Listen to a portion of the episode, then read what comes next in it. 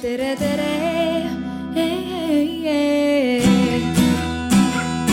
Eestimaa.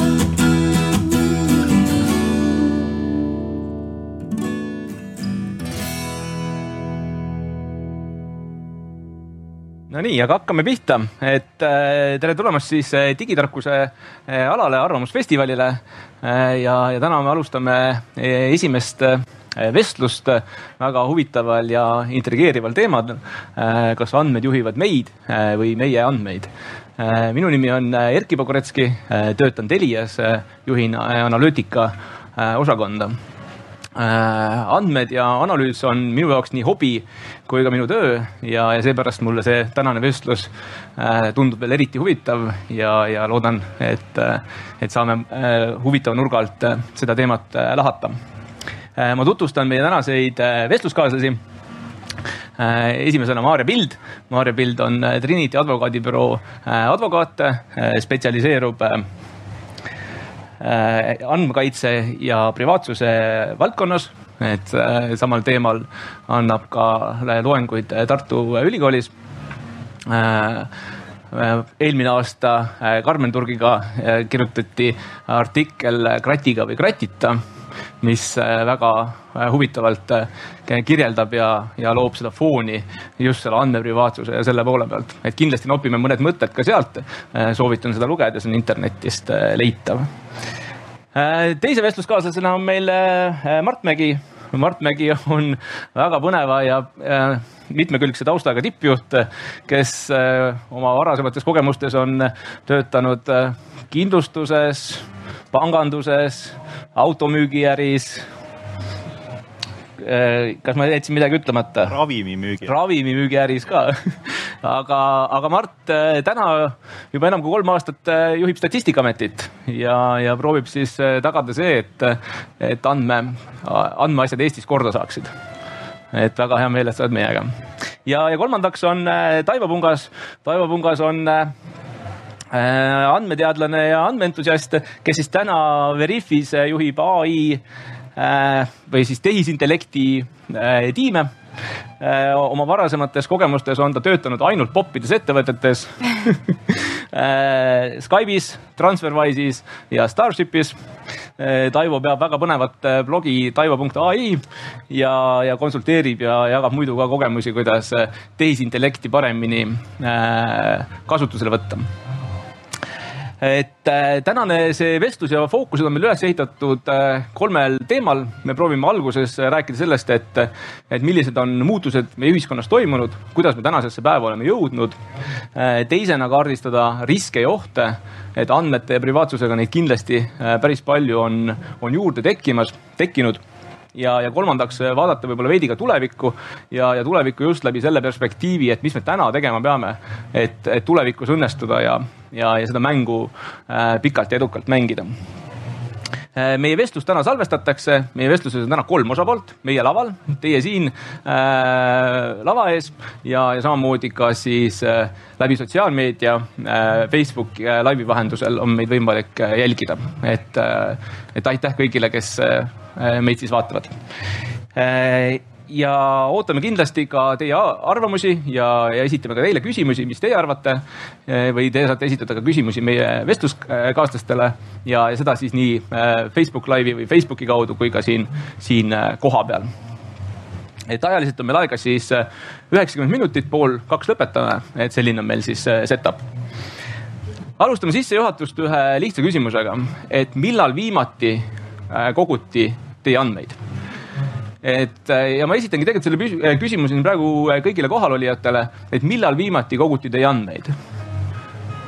kas keegi tahab, tahab arvamust avaldada? tegelikult praegu kohe, me räägime, tehnoloogia kuuled, kõik, mille me teeme, kohe on lugu valmis või nutitelefon näiteks, iga sekund mm. -hmm. väga hea. oskab veel keegi tuua mõne huvitava näite, et äh, millal viimati tema andmeid koguti? Kui GPS-iga siia sõitsin, siis samamoodi on asukoht teada, kus see andmekasutus läheb. edasikasutusse mm. -hmm. ehk siis mu asukohta täpselt teada. jah, jah, asukoha andmed, et eh, eks nende andmetega ongi, et neid kogutakse kogu aeg. et eh, ma küsin natuke teistsuguse nurga alt sellesama küsimuse ka meie vestluskaaslaselt, et, et eh, Maarja, millal viimati koguti sinu andmeid nii, mis läks äh, nagu õigusega vastuollu või sa ei olnud nõusolekut andnud? No ma olen täiesti kindel, et seda juhtus ka täna aga noh, kas just vastuollu, aga nagu päris palju olukordi, kus ma ei tea, mis nende andmetega tehti, kui näiteks, kui me tulime ka siia festivalile, siis tehti meie sissepääsust selline eh, pilt, et kas nad kuidagi sidusid seda minuga, nad ju teadsid, millisele emailile see minu kohalolu pääse tuli. Pole kindel, kas seal olid igasugused privaatsustingimused olemas, et ma ei tea, alates juba sellest, lõpetades sellega, et võimalik, et tee peal oli mõni reklaam, mis kogus minu kohta andmeid ja ta teab täpselt, mitu sekundit ma täpselt seda pesureklaami või midagi muud vaatasin. et ma arvan, et tee peal juhtus igasuguseid asju, mille osas ma pole kindel, kas ma oleks tahtnud, et neid andmeid kogutaks või mitte, kui me siia tulime mm. -hmm, väga hea, Mart, sinult küsime sedasama küsimust. millal riik viimati sinu kohta andmeid kogus e,? iga hetk, ka praegu mis andmeid ta praegu kogub su kohta praegu või? mitte tööandjana, vaid siis eh, nagu inimestele praegu kogub ta andmeid, et eh, ma teen tööd et eh, istun laval. jah, okei aga Taivo, võib-olla sina oskad vastata selle küsimuse selle nurga alt, et millal viimati koguti andmeid nii, mida siis kasutas tehisintellekt? minu kohta? sinu kohta. et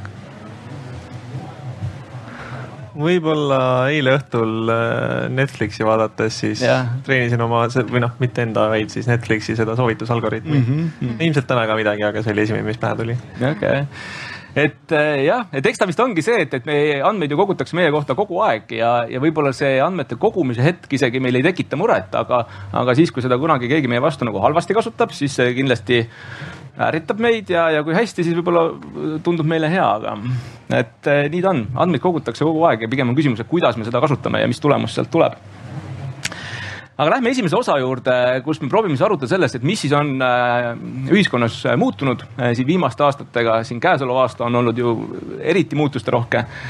Ja, ja äkki Mart, sa teed väikse sissejuhatuse või, või jagad mõtteid sellega, et, et, et kuidas me, mis on viimastel aastatel muutunud, et kus me praegu oleme? Ja aitäh. mulle, ma mõtlesin seda muutuste teemat ja, ja mulle kargas pähe alguses kaks mõtet ja siis mul tuli meelde kolmas mõte, kolmas mõte oli veel parem kui kaks eelmist nagu, aga räägin teile kõik kolm see, see kolmas mõte, millest ma alustan ja, ja see, selle andis mu kitarriõpetaja. et äh, siin paar kuud tagasi kitarriõpetajaga tegime Zoom'is tundi, sest noh, nagu sa ei saa teistmoodi teha, eks ole, Zoom'is tegema praegu tundi ja siis äh, kitarriõpetaja ütles, et tead, Mart, et ma ei oleks kunagi uskunud, et tulevad ajad, et näed, et statistikud on nagu tuntumad kui äh, hetkel muusikud. sest noh, ma olin lihtsalt kogu aeg teles ja noh, et see oli nagu lihtsalt on see hetke muutus, et me siin istume siin lava peal, kuigi siin võiks olla mingi mõnus bänd nagu mängida hoopiski, eks ole. aga ei, mingid igavad inimesed räägivad andmetest, noh, eks ole, noh. kes oleks seda, seda uskunud ja, ja isegi on tuldud kuulama, jah? ja noh, ma just seda vaatan, imestan siin, et noh, mis nad siin niimoodi kusagil näed, muss on seal hoopiski, et võiks ju sinnapoole vaadata, aga, aga jõuab, jõuab, jõuab. teine, mis mul nende andmetega tegelikult seostub, siis äh, minu jaoks äh,, ma olen olnud väga sihukene ajaloohuviline ja ja noh, kui vaadata ajalugu, eks ole, siis noh, andmeid on kasutatud absoluutselt kogu aeg. aga kõige rohkem tegelikult, kui mõelda, kus andmeid on kasutatud, on sõjad ja tegelikult äh, noh, sõja võitmiseks sa pead nagu selgelt omama ülevaadet andmetest. et noh, et võtame Kartaago vallutamise või, või Trooja või nii edasi, et noh, et mis oli tegelikult, äh, kui palju oli vaenlasi, äh, kuidas nad ründasid, noh, mis positsioonis, nii edasi ja, ja noh, spioonid ehk siis nagu noh, sel ajal noored andmeteadlased, eks ole, käisid kogu aeg, vaatasid ringi, et noh, mis värk on nagu, et mm, -hmm. et noh kui palju siis neid asju on. kusjuures sellest ajast pärinevad ka võltsuudised, noh, et äh, võltsandmed, et noh, ka seda jagati ju kogu aeg, eks ole, et sa ju pidid kogu aeg ette söötma valeandmeid et jumala eest, et noh, siis äh, kasutades valeandmeid, siis tõrjuti vaenlast või, või vastupidi, et noh, et saadi siis oluliselt parem positsioon. nii et, äh, et noh, need andmed tegelikult, kui me vaatame sügavale ajalukku, on olnud meil kogu aeg. see, et me sellest täna räägime see on võib-olla muutus, aga noh, see on ka võib-olla sihuke digiajastu, et me oskame neid andmeid. et kui kunagi oli matemaatika tekkis, noh siis tekkis, eks ole binaarne nüüd süsteem, me siin saame kõiki asju panna sellesse matemaatikasse piltlikult, et noh, nüüd on nagu põhjus sellest ka siis rohkem rääkida, et kuidas seda siis paremini kasutada mm. -hmm aga kolmas mõte, mida ma tahan teile jagada, on pigem hoopis äh, nagu jookseb tulevikku nendes muutustes et äh, kui ma ütlesin, et ma olen väga ajaloolembeline, aga mulle tegelikult meeldib veel rohkem ulmekirjandus, et äh, et noh, kes on lugenud Isaac Asimovi äh, asumisarja, et noh, psühhoajalugu, kõik on ju puhas andmete maailm. aga teine, kes Isaac Asimovi kõrval on üks sihuke väga vahva autor, on ju Douglas Adams, kes on kirjutanud legendaarse Hitchhiker's Guide to the Galaxy mm. -hmm. mida kõik IT-inimesed ehk nagu pool oma piibliks peavad ja kui te seda raamatut loete, siis te saate ju teada vastuse, mis on nelikümmend kaks. Mhm. ja miks ma seda teile räägin, et, et see nelikümmend kaks nagu, et selles raamatus on ka sellega väga tõsine lugu seotud, et, et, et nimelt lugu on see, et mis on küsimus, millele vastus on nelikümmend kaks. Mhm. ja see, kus me selle muutustega täna jõudnud oleme, ongi see, et meil ei, ei eksisteeri sellist olukorda, et meil pole andmeid enam meil eksisteerib olukord, kus me ei oska küsida. ja ma arvan, et see on täna nagu tõsine muutus ja see paneb nagu hoopis tõsisemalt pea valutama, et noh, et ega noh, kuidas siis osata küsida või kui me ei oska küsida, kas me tõesti peaks lihtsalt nagu andmetele otsa vaatama ja laskma neil rääkida oma lugu, mis on ka võimalik mm. -hmm selline väike sissejuhatus. okei okay,, no väga põnev, et äh, aga ma, Mart, jätkan korraks veel sinuga, et äh, sa oled ise öelnud, äh, et avalikus sektoris või selline riigi statistikat või, või andmete juhtimise poole pealt, et üks edukamaid riike maailmas äh, peetakse Uus-Meremaad, et et kuidas Eesti täna Uus-merega võrreldes on, et või, või, või kuidas, mis Eesti positsioon on, kui hästi meil tegelikult andmetega on ja, ja või kasvõi Statistikaameti poole pealt, et oi jaa, Eestil on tegelikult väga hästi, et, äh, et meil ongi niisugune huvitav seis, et noh, esiteks Eesti geograafiliselt on väga heas kohas. meil on nimelt äh, selline Statistikaameti peadirektorite ühine konverentskõne, mis meil toimub iga nädal, kus on siis äh, Uus-Meremaa. Neil on südaöö, noh nagu vanad lähevad magama just siis. siis on Austraalia seal seltskonnas, siis on Holland, meie ja Kanada, Kanada on kell kuus hommikul. noh, meil on kell üks päeval, nii et ülimõnus on nagu suhelda nendega. ja, ja noh, tegelikult kui me vaatame meid, äh, Eestit, siis me oleme väga unikaalses positsioonis andmete kasutamisel äh, ja, ja milles see unikaalsus seisneb, on see, et tõesti Eesti kunagi tegi Eesti kaks õiget otsust. esimene õige otsus oli see, et Eesti võttis kasutusele isikukoodid see on midagi uskumatut, mida tegelikult väga paljudes riikides ei ole. ei ole tegelikult võimalik sidustada omavahel andmeid või siduda andmeid. eriti, mis puudutab isikuid või äriühinguid või, või ka isegi geopunkte, et noh, et kui me räägime geopunktide ühendamisest teine, mida Eesti tegi, on, on unikaalne tõesti ikkagi on see, et see interoperability ehk X-tee loodi väga-väga algses staadiumis mm. -hmm need on kaks niivõrd unikaalset asja, mis on paisanud meid sõltumata sellest, et me ei ole noh, võib-olla, et noh, ka Eestis, ma ei tea, Statistikaamet või riiklik statistika ei paista kuidagi välja. meil on ülihead eeldused mm -hmm. tegelikult juhtida kogu siis andmemaailma, nii nagu tegelikult Eesti on väga tuntud digimaailma nagu juht aga nüüd ma ütlengi, et miks me ei ole siis nagu esimesed, et noh, et või kes on meist eespool, et me, me tegelikult, mina isiklikult pean kahte riiki meist väga selgelt eespool olevaks. üks nendest on Uus-Meremaa ja teine on äh, Singapur. et äh, ja väga enesekeskselt ütlen, et dammit, me oleme kolmandal kohal. aga noh, see selleks, et miks nad kaks on eespool, on see, et nad oskavad andmeid kasutada mm. -hmm. küsimus ei ole mitte selles, et kas neil on andmeid, meil on andmeid võib-olla teatud osas rohkem ja me, meil on paremad võimalused siduda. aga nad oskavad kasutada seda oma riigi inimeste heaolu nimel. ja see on midagi, mida meil on väga palju vaja õppida. -hmm. okei vaataks eh, sama küsimuse ja ka regulatsioonide poole pealt, et Maarja, et kui, kui sa vaatad täna ka, kuidas Eesti seadused on, et ma tean, et siin päris palju tegelikult eh, sõltub eh, ka Euroopast ja, ja, ja, ja direktiividest ja määrustest, mis sealt tuleb, aga, aga ku, kuidas nii-öelda advokaadina sa seda olukorda vaatad või hindad, et, et kuhu me tänaseks oleme jõudnud? nüüd siis Eesti poole pealt üldse vaadates mm. -hmm et mõneti võib vaadata, et äkki Eestil siis tõesti läheb nii meeletult hästi, sest et Eesti on pea et ainus Euroopa Liidu liikmesriik, kus ei ole tehtud mitte ühtegi andmekaitsealast trahvi endiselt aga samas, kui me vaatame päris juhtumeid, mis on olnud, siis tegelikult on probleeme küllaga, mis teistes riikides tõenäoliselt oleks tulnud trahvi. mis need siis on? näiteks Rakvere äh, tualetikaamerate juhtum, kus siis äh, andmekaitse inspektsioon tõi avalikkuseni selle, et kui Rakveres minna kaubanduskeskuses tualettruumi, siis leiate sealt ka paar kaamerat siis muidugi keskus need lõpuks sealt pärast äh, pisikest jonni eemaldas ja trahvi ei saanud siis meil on olnud ka mitu andmeleket, Charlotte e-pood, tuhanded andmed läksid. nüüd hiljuti selgus, et justiitsministeeriumil juhtus väike õnnetus. õigusabi saajate, tasuta õigusabi saajate nimed olid väljas ja mitte lihtsalt, vaid seal oli ka kirjas, et mille eest nad õigusabi said. Näiteks siis, et lahutuse tõttu või laste jagamine ja väga konkreetselt olid näha väga-väga isiklikud teemad. aga ühtegi trahvi kui sellist ei paista et noh, võimalik, et põhjus peitub siis selles, et Eesti riigis siiani veel on trahvi justkui raske teha. Ähm, meie protsess on siis ähm, väärteomenetlus, mis tähendab, et selle trahvini peab jõudma kahe aastaga ja andmekaitse inspektsioon ütleb, et see aeg on liiga lühike, et nad jõuaksid kõik asjad ära menetleda. ja nüüd terendab meid siis varsti haldustrahvi maailm, kus neid trahve teha on kergem ja no ilmselt siis meie esimesed trahvid ka pärast seda tulevad et mõnes mõttes on ju ka positiivne, et Eesti ei ole selline trahviriik, et mm. vales kohas tõstad näpu üles või salvestad ühe isikuandmete tüki ja siis on miljonid kukuvad.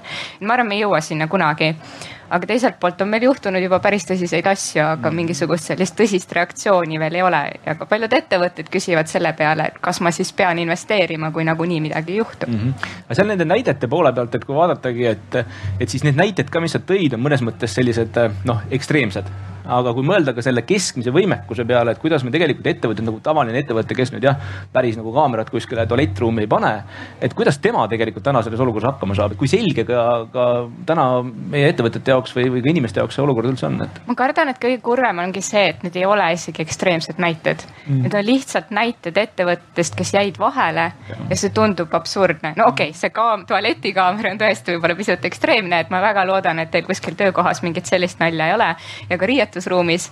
aga kõik, mis puudutab andmelekkeid või mingisuguseid salvestamisi või kustutamata jätmist või kasvõi ju endiselt juhtub midagi sellist, et äh, naine või perekond on kaotanud lapse ja siis saab endiselt õnnitlusi emadepäeva puhul ja kõik sellised on täiesti igapäevased asjad, et need tunduvad kurvad ja väga ekstreemsed, aga tegelikult ei ole, lihtsalt kõik ei jää vahele mm. -hmm. aga kui korraks nagu inimeste poole pealt sedasama küsimust veel, veel jätkata, et, et meil ju kaks pool aastat tagasi jõustus siis oh, GDPR, eesti, keeles oli ta pikem nimi. IKM.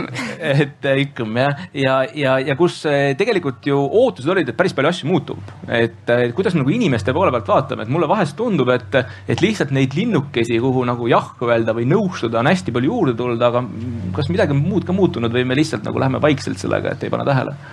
no praktika poole pealt vaadata, mis on muutunud, siis väga paljud inimesed ähm, teavad oma õigusi poolikult mm., et eh, nad teavad, et just nad on kuulnud, et neil on õigus olla unustamisele.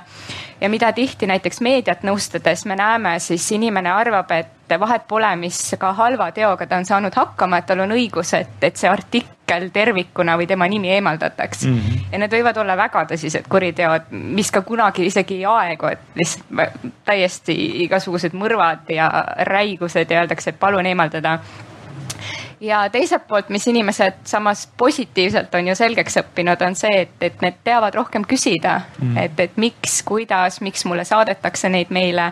ja me näeme ka, et Andmekaitse Inspektsiooni saadetakse neid pahaseid päringuid rohkem, et ega meist keegi ei taha seda sellist ähm, no nii-öelda rämpskirju või rämpsreklaami saada, mida me pole mitte kunagi soovinud.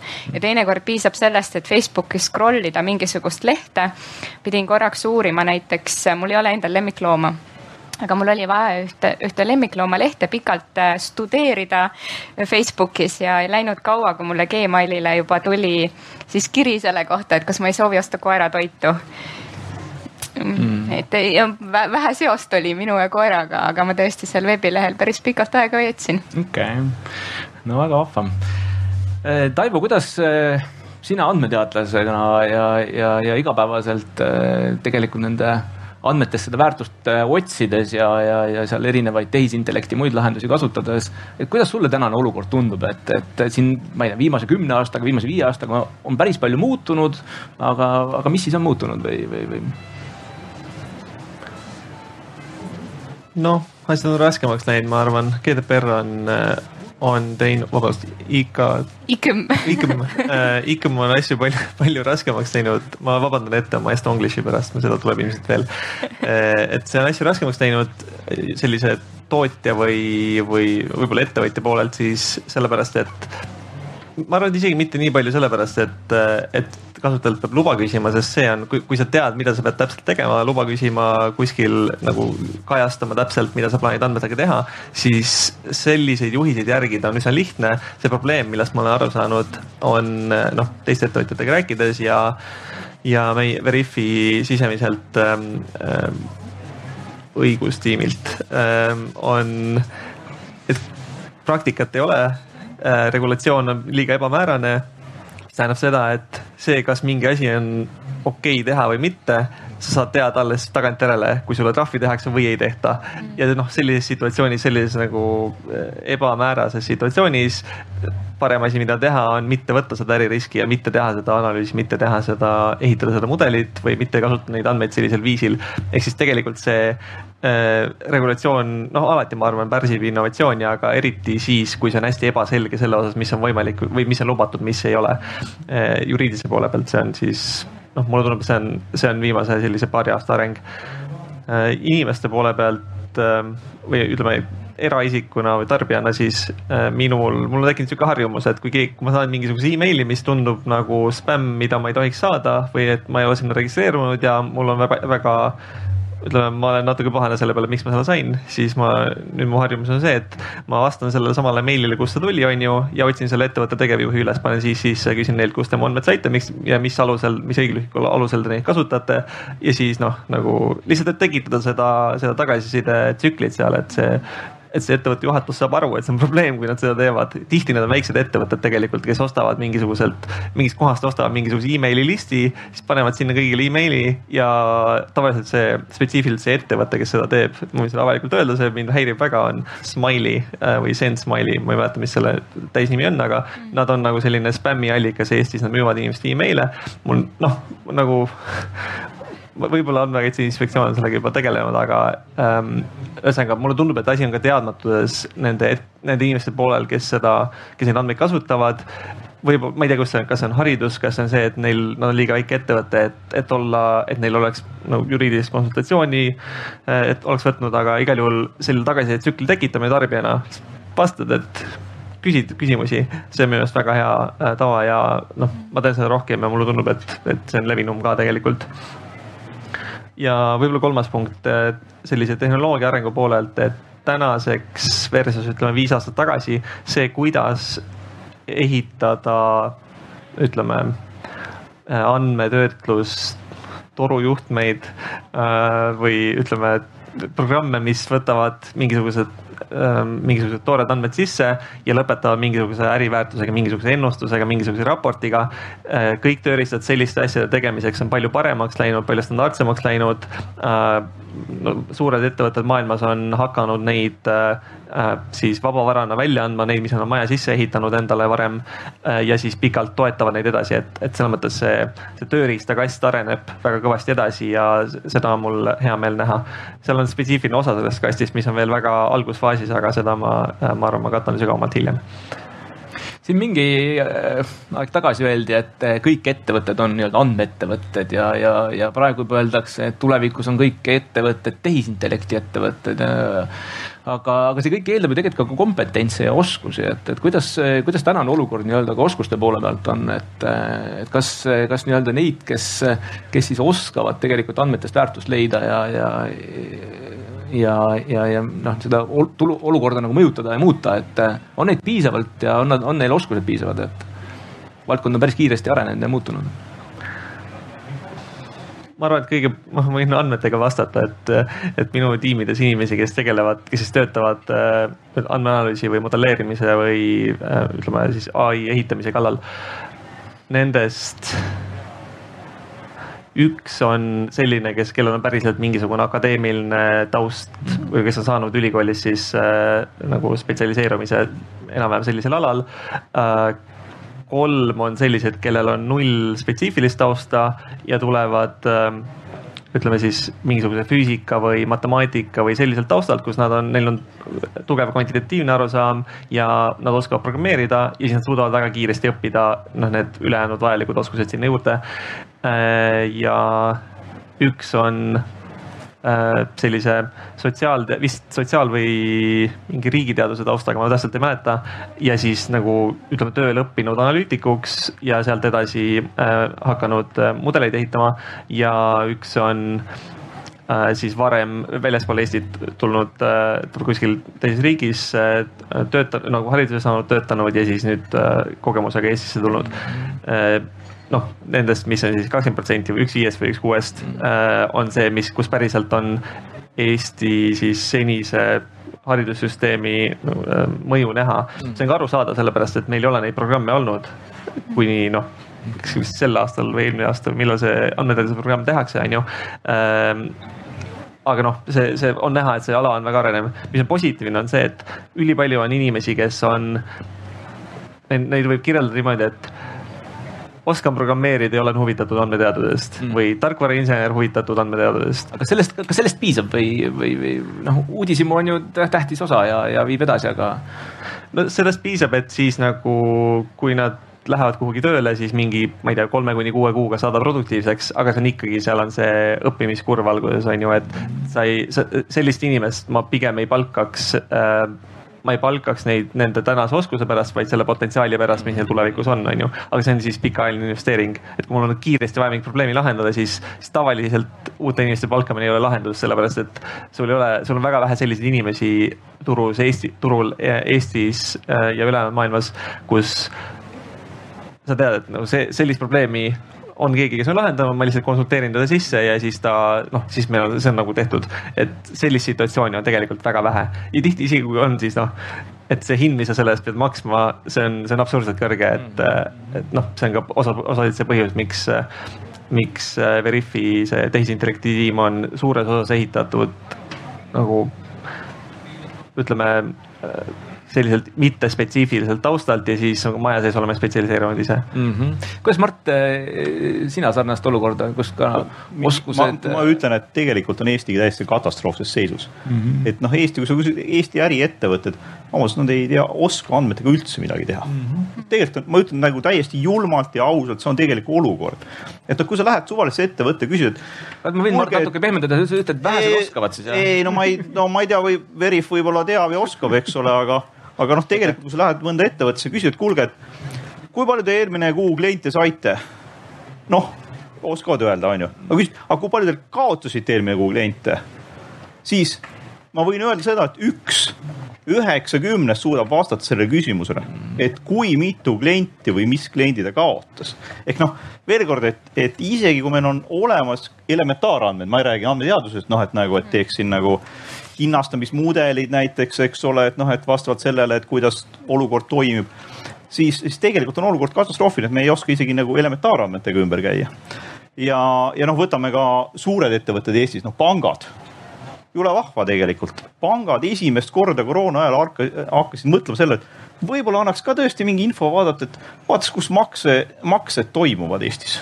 noh, nagu esmakordselt ärgati nagu, et noh, et nagu kuulge, et Paide festival, et arvamusfestival siin ju toimub korralikult maksed, et noh, et, et noh, võib-olla siis rendiks siia neid makseterminale, eks ole, et noh, nagu mõtleks seda äriliselt, et noh, et nagu ahaa, et et nüüd järsku nagu ärgati, et ai pagan, et meil on ju need seadmed, need ju annavad kogu aeg signaale, eks ole, et võiks ju siit midagi arvutada. aga kas no, ta on, kas ta on osaliselt? veel kord, tegelikult suhteliselt ja. ikkagi me oleme väga-väga-väga alguses asjas mm. -hmm. jääb see kas siis kompetentside või oskuste taha või?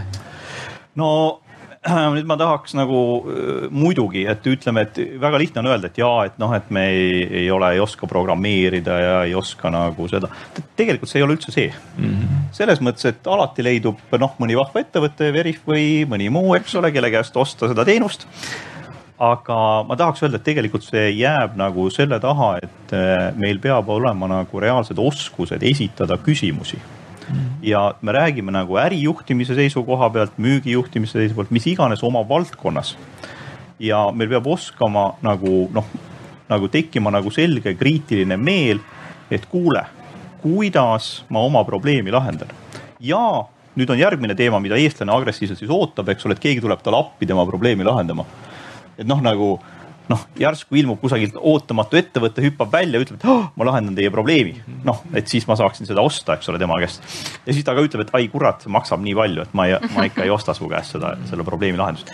ehk tegelikult ma tahan öelda, et, et noh, et, et üks osa sellest kompetentsist, mis peab tekkima, on see, et julgus minna siis sinna noh, nagu noh, mõne nagu oskaja juurde ja öelda, et kuule teeme kahasse siis selle nagu väike startup'i, et noh, et nagu sa siin uurid minu andmeid, eks ole mm et, et noh, et kui sellest asja saab, eks ole, et noh, viiskümmend protsenti osalust mulle, noh, viiskümmend sulle, noh te,. teeme siin nagu spinni, eks ole mm. -hmm. et, et noh, et jõle vahva, kui siukseid tuleks ju sulle nagu külla, et võtaksid vastu ikka ju neid. ma tahaks Mardi öeldule juurde panna, et ma olen nõus, mulle tundub, et minu kogemus on see, et see selline kõige kõrgema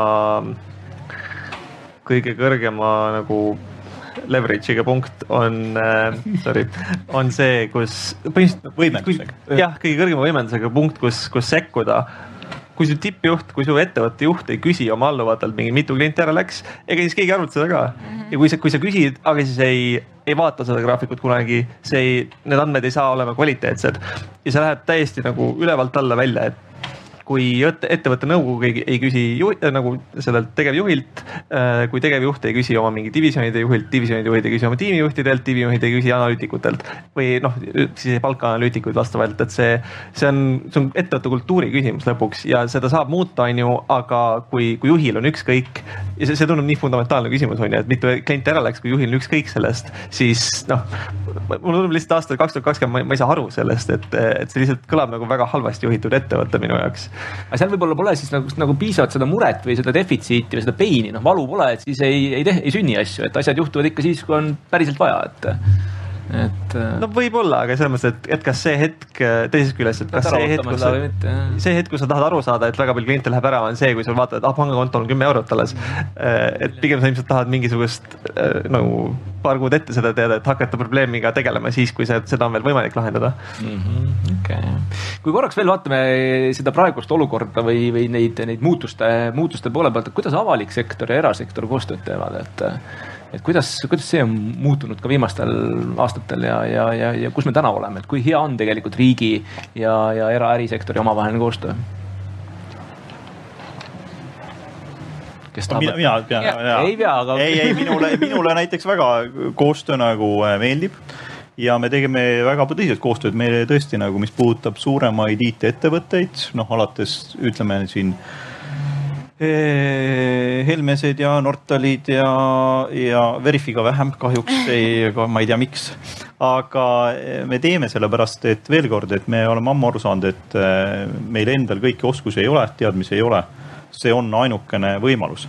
küll on küsimus see, et, et kuidas teha seda, seda mudelit veelgi paremaks. me oleme täna astumas väga selgeid samme või astunud samme, kus me Eesti ettevõttega või vähemalt siis noh, ütleme, kes siis tegutseb Eestis, oleme töötanud välja mõne huvitava lahenduse mm. -hmm. ja, ja tegelikult me oleme ka toetanud neid Eesti ettevõtjaid, et nad saaksid seda lahendust pakkuda teistes riikides.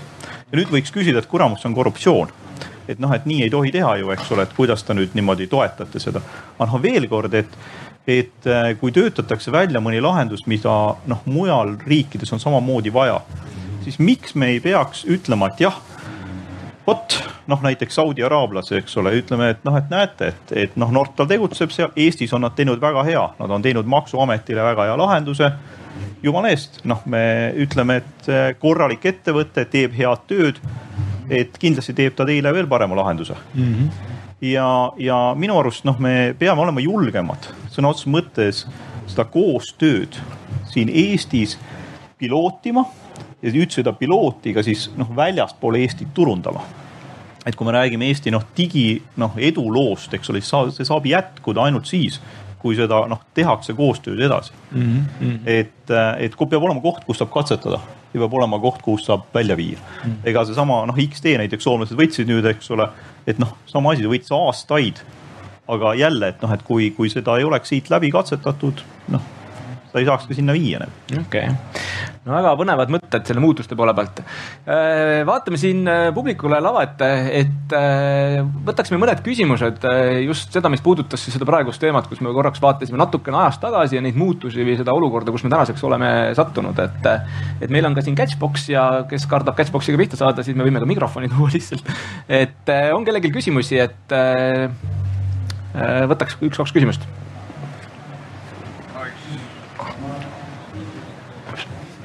ma küsiks siis, oi, ma küsiks siis Taivolt ja Mardilt samaaegselt sama küsimuse, aga niimoodi, et teie vastused ei ole üksteisest sõltuvad. et ma ei tea, kui kaugel ma seda hoidma peaks. nii on okei okay.. jah, et seda riigi ja erasektori koostööd.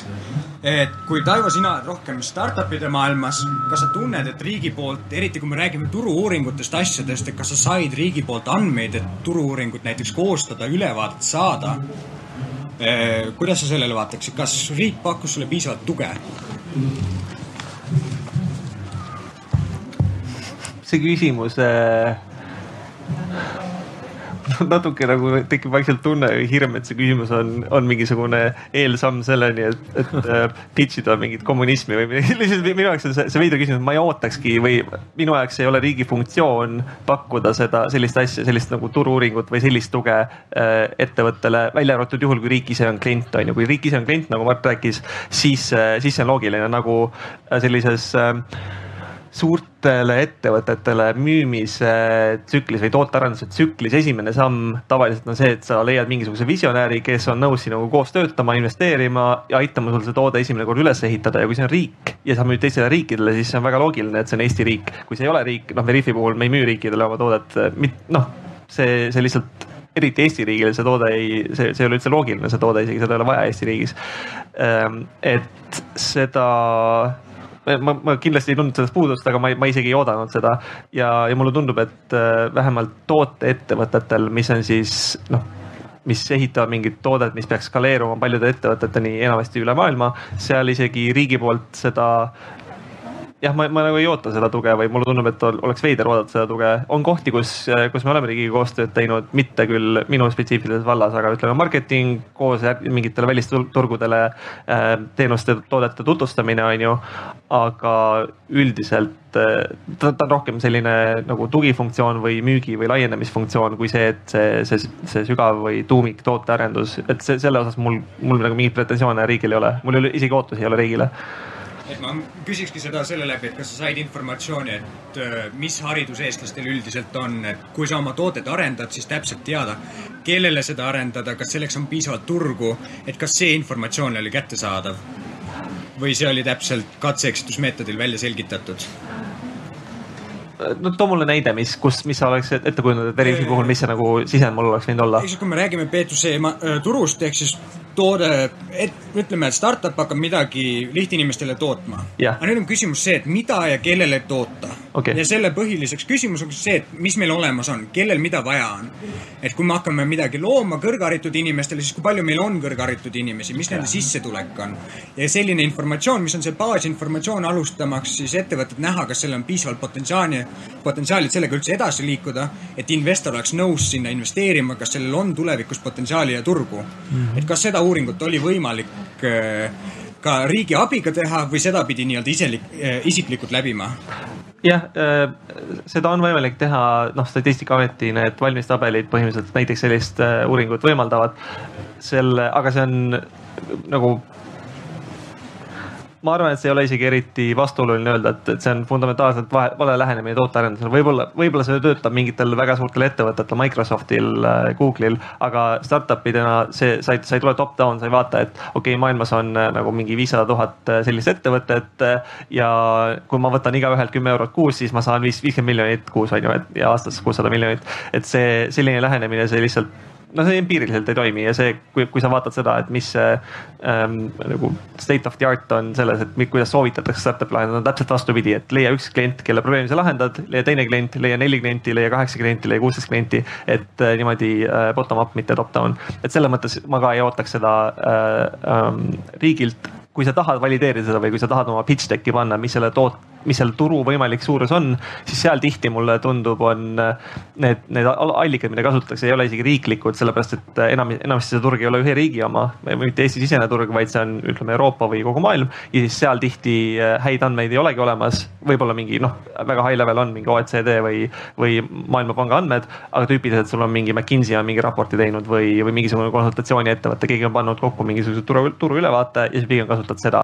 et see, see on nagu üle ühe riigi piiride, sest see toote, sest see turg on üle ühe riigi piiride. kui nagu Eesti poole pealt vaadata, siis ma ei tea, Mart oskab võib-olla kommenteerida, aga täna ju Statistikaameti kodulehel on, on ju sellised põhiandmed ja informatsioon juba aina paremini ja paremini leitav ja kättesaadav, et, et või kui tähtis täna Statistikaameti jaoks on üldse selline nagu lihtsamate või sihukese nagu fundamentaalandmete kättesaadavus äh, nii tavainimestele kui ka alustavatele ettevõtetele, et Eesti turgu mõista? ja ei, see on väga oluline ja tegelikult noh, meil käib ju miljonid inimesed käivad meil tõesti lehel seda andmestikke kogu aeg uurimas. meie leht uueneb muide nüüd kohe järgmine nädal ja meie leht muutub selliseks, nagu on Google'i leht ehk eh, unustage tabelid, on selle peale niisugune võiks öelda üldine vastus, et ka meile leht nagu saab olema nii, et seal on väikene kast, kuhu te kirjutate oma küsimuse mm. -hmm. ma tahan kogu aeg jõuda selleni, et noh, et tegelikult fundamentaalne on osata siis küsida. Et, et noh, te küsite, et noh, et mis on inflatsioon või, või et kui palju elab siis nagu noh, kui palju käis e- eelmine aasta Arvamus festivalil inimesi, eks ole, või noh, et nagu mis, mis iganes. et te saate oma vastuse mm. -hmm. et äh, sinna me oleme täitsa täna teel mm. -hmm. On... nii et äh, see on see koht muide, üks väike niisugune startup'i idee mul kohe nagu siit ikkagi, riik on ka niisugune naljakas asi, et mis asi on nüüd see riik, eks ole. aga, aga tegelikult, kui vaadata seda, et, et kohti, kus riigis tegelikult on, kuidas ma ütlen, on teenus hajutatud ehk näiteks perearstid, koolid noh, kus tegelikult võiks nii öelda, et, et noh, esiteks seal ei ole konkurentsi ja, ja veel kord tegelikult see teenus, mida nemad osutavad inimesele või, või noh no, oma klientidele piltlikult, tegelikult on üle maailma, võiks öelda noh, nagu müüdav. et selles mõttes äh, väga kitsalt me vaatame sagedasti nagu mingit sihukest äh, abstraktset nagu noh, riigi asja, et noh, tegelikult me räägime ikkagi sõna otseses mõttes inimesele suunatud teenusest ja, ja kuidas siis seda ka siis noh, eksportida noh, üle, üle kogu maailma mm. -hmm. see oleks nagu see, see peamine eesmärk okay aga liigume edasi, et, et võib-olla aasta aega tagasi me ei, keegi ei kujutanud ette, et kaks tuhat kakskümmend äh, tuleb selline, nagu ta meil täna on olnud. et ja sellega on kasvanud päris palju ka riske ja ohte ja sellist ebakindlust, et, et lähme selle teise teema juurde, kus proovime siis arutada natuke rohkem sellest ohtudest ja riskidest ja, ja võib-olla Maarja, sa oskad ka nii-öelda seaduse ja regulatsioonide või enda tunnetuste poole pealt kirjeldada natuke seda olukorda, kuhu me täna oleme jõudnud ja, ja millised uued ohud või uued riskid meid siis saadavad. Ja et nagu Mart, ma mõtlesin ka kolme, kolme probleemi või teema peale, et mis võib-olla seda raamistikku võiks natuke algust teha. et esimene probleem tõenäoliselt, mis, millega meie tulevased põlved eriti peavad tegelema, meie lapsed, aga juba ka lapsed, kes käivad praegu koolis, puudutab seda siis, et millal meie teadvusesse jõuab see andmestik, mis me internetti alles jätame. kui varakult lapsed teavad, mida tohib internetti panna, mida mitte ja kuidas see võib jõuda kuhu iganes ja kuidas see ei kao kuhugi ära aga teine pool ei puuduta üldse ainult lapsi, vaid üldiselt täiskasvanuid kui selliseid. ja nende harimist, et meil on ju või tõenäoliselt ei ole väga keeruline panna mingisuguse digijalajälje ainet üks hetk koolidesse. aga mis saab täiskasvanutest, kes kasvasid veel ajal, kui internet oli täiesti lapsekingades või siis ka võib-olla sündisid ajal, kui internet tekkis sest me näeme ju väga palju lapsevanemaid, kes panevad igas asendis ja olekus oma lastest internetti pilte ja mine tea, mis nende laste piltidega kunagi saab või milleks seda kasutatakse ja tihtipeale lapsevanemad ei oska selle peale mõelda. aga veelgi hullem, laps saab suureks, näeb neid pilte juba ju varem, kaevab oma laps, oma lapsevanemad kohtusse, ei ole ka lõpuni välistatud Hollandis just hiljuti, siis üheksa tuhande euroga ähvardatakse vanaema, kes oli oma lapselapse pildi üles pannud ning äh, ema siis ei olnud sellega nõus, laps oli veel väike, et ma arvan, tema ei saanud midagi aru. aga selline peretüli lapse pildi ülespanekust ei ole ka välistatud mm,. rääkides veel sellest, kuidas me võib-olla ei oska ennast kaitsta mm, ja tõsisematest teemadest ähm, päris mitmetes siis live streaming ute sotsiaalkeskkondades, näiteks ka Tiktokis ei olnud äh, niivõrd ammu juhtum, kus äh, laps kajastas oma enesetappu äh,. see live stream oli üleval ka päris pikalt. Äh, meeletult ju suur sotsiaalmeediaplatvorm üritas seda ka varjata teatud aja ja ei suutnud seda õigel ajal ka maha võtta, et see oli ikka päris mitu tundi üleval ja päris mitusada inimest seda siis said käia vaatamas või siis vaadata seda õnnetut laipa seal maas, mis on ju meeletult hirmus.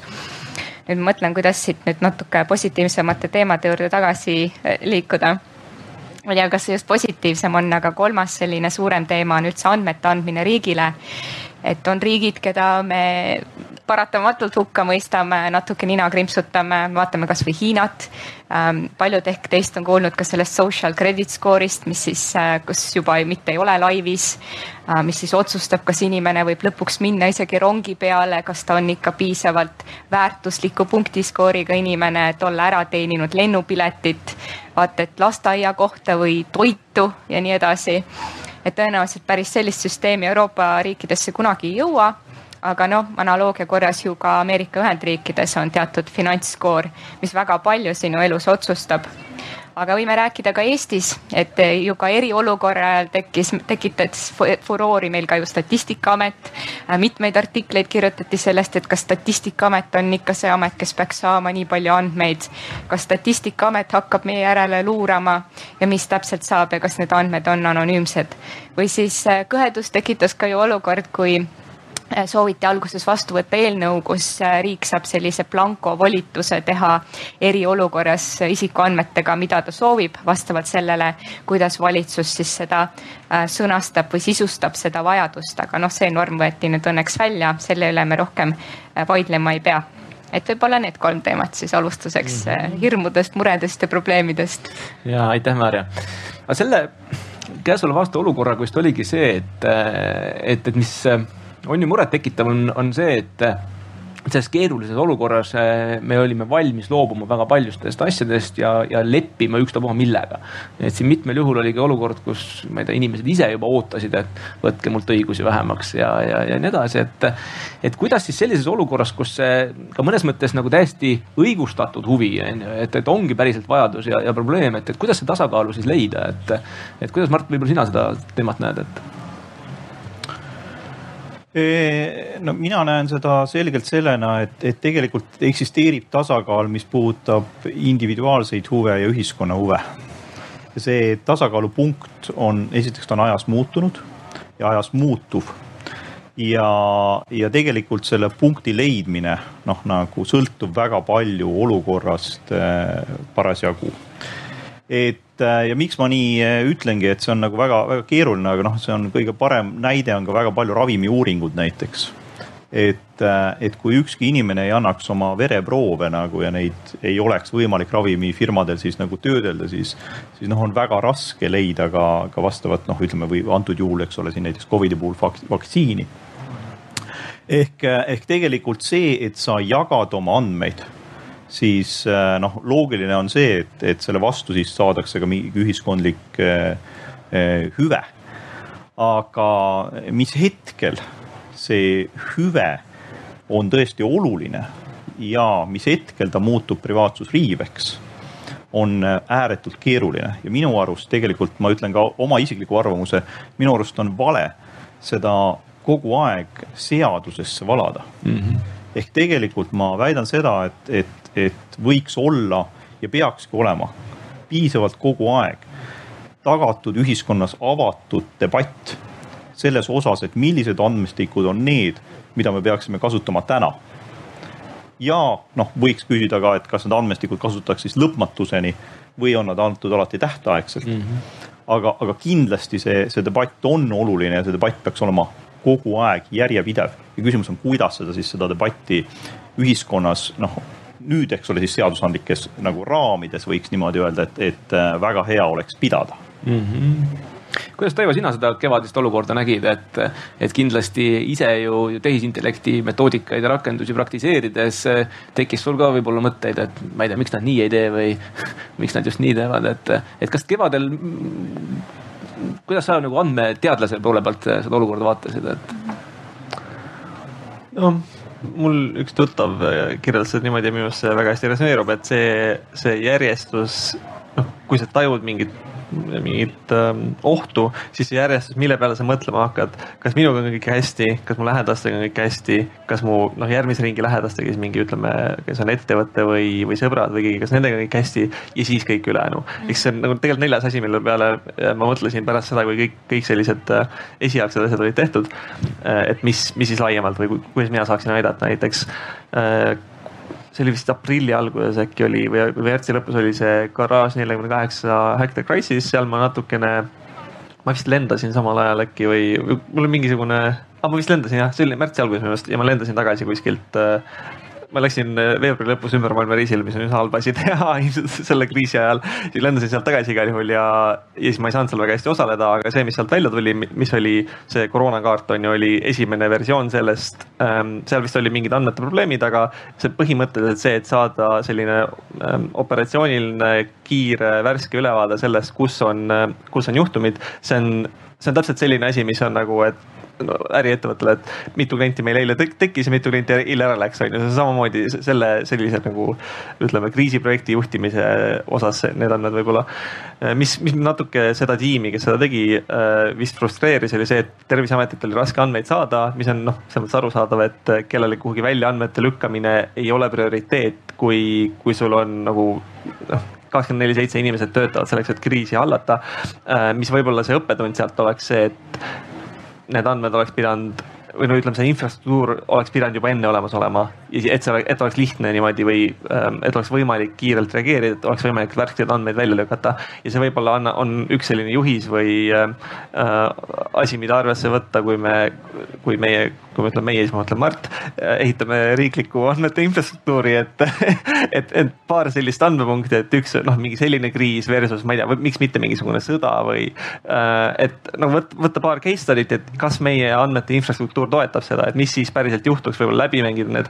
ja mulle tundub, et see, seda juht, sellist ähm, kasutusjuhtu lahendada, kus äh, sa tahad, ma ei tea, noh, umbes see, et sa tahad teha mingit turu-uuringut ja siis see tegelikult ei ole ajakriitiline. Äh, see on palju lihtsam lahendada kui see, et et üks, et nagu õigetel inimestel oleks õigel ajal andmete tootmise võimekus, andmete puhastamise võimekus ja ligipääsu võimekus. see on tegelikult keeruline probleem ja äriettevõtetes selles mõttes, et äh, mingi Veriffi suurune ettevõte, kakssada viiskümmend inimest seal selle jaoks, et kogu seda andme, andmehulka hallata ja päriselt ära kasutada, seal on noh, sul on mitu erinevat toodet, mille eest sa maksad kümneid tuhandeid eurosid äh, aastas, võib-olla sadu. ja mida suuremaks see organisatsioon läheb, on ju, kui see on riigisuurune ettevõte, siis sa maksad võib-olla kümneid, sadu miljoneid selle eest aastas.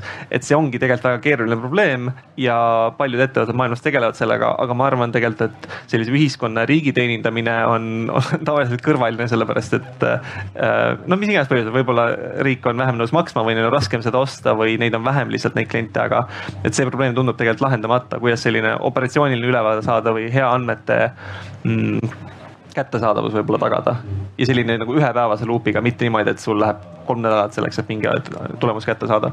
Äh, regulatsioonid ja, ja, ja sellised noh, nii-öelda ettevalmistus või võime, võimekus asju nagu ette valmistada ja regulatsioonid samamoodi on ju kogu aeg ajast maas. et sa, Mart, mainisid ka, et, et noh, et, et kuidas sinna seda paindlikkust lisada või, või mismoodi seda siis peaks tegema või, või kellega vahel seda kokkulepet peaks tegema, et kuidas, Maarja, sulle see äh, advokaadi poole pealt tundub, et? ma arvan, et jama ongi selles, et regulatsioon tõenäoliselt peabki ajast maas olema. sest kui me hakkame ka midagi tulevikku reguleerima, siis on alati oht, et reguleerid midagi üle, seda ei saagi olema. ja peaaegu alati on siiski võimalik põhiprintsiipidega jõuda selle mõistliku regulatsioonini. et vahel tõesti on mingisuguseid täpsustusi vaja, tuleb mingisugune uus tehnoloogia, aga nagu me teame, siis iga regulatsioon peab olema tehnoloogia neutraalne mm. -hmm. sest kui võtta ka vastu mingisugune kasvõi ma ei tea, nüüd tuli jälle see tõukerataste regulatsioon või meil tuli eraldi nendele pakirobotitele, eks ju, eraldi regulatsioon. aga mis siis, kui need pakirobotid üks hetk hakkavad hõljuma või lendama, siis on meil jälle probleem, et meil ei ole. et mida üldisemad need punktid on ja mida rohkem nad arvestavad ähm, tuleviku tehnoloogiaga, seda lihtsam.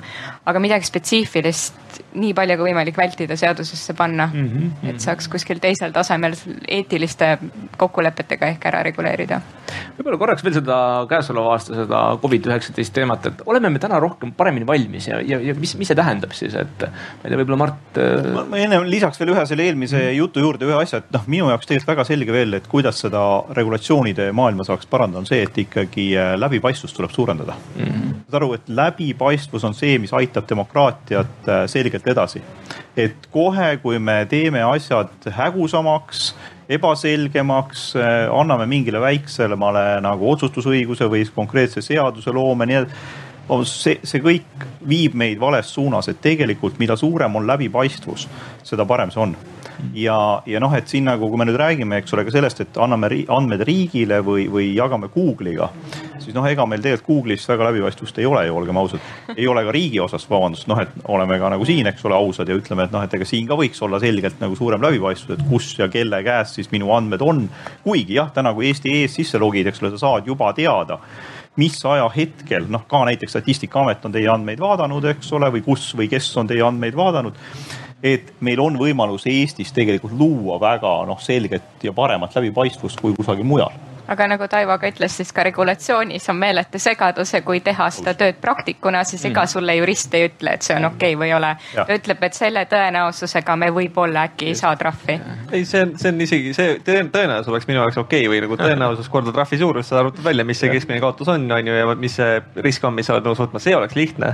Äh, see on rohkem nagu noh, võib-olla on okei okay,, võib-olla ei ole, võib-olla on väga suur trahv, võib-olla on normaalne asi ja eriti noh, kui sa, kui sa individuaalselt seda otsustad, siis võib-olla sa, sul on kerge otsustada seda mitte teha, aga kui su konkurendid seda teevad, on ju, siis, siis on seal nagu te, tekib teine dimensioon sellele strateegiale juurde, et kas, kui sa ei tee seda, siis sa jääd maha neist mm -hmm. ja su toode on päriselt halvem, on ju, et see, see surve tegelikult see, neid analüüse teha, neid andmeid niimoodi kasutada on tegelikult olemas. aga no siia peakski ütlema vaat sama asi, et, et tegelikult trahv peaks olema sõltuvuses sellest, kas sa andsid sellest ennem teada, et sa kasutad andmeid või mitte mm. -hmm. kui sa lihtsalt nagu noh, salajaselt nagu kammisid eh, veebi, eks ole, said sealt andmed, kasutasid neid ja nii edasi. ma paneks ka suurema trahvi, vabandust. või Aga... sa ütled avalikult, eks ole, et ma sain sinu andmed ja kust ma need andmed sain, eks ole, siis noh, tegelikult võiks olla sellega seos, aga veel kord, see on täiesti mm. noh, meelevaldne, lihtsalt ma, see mõte on, et, et läbipaistvus peaks olema ja, ja tuleks nagu suurendada jätkuvalt kogu aeg nagu mm. -hmm.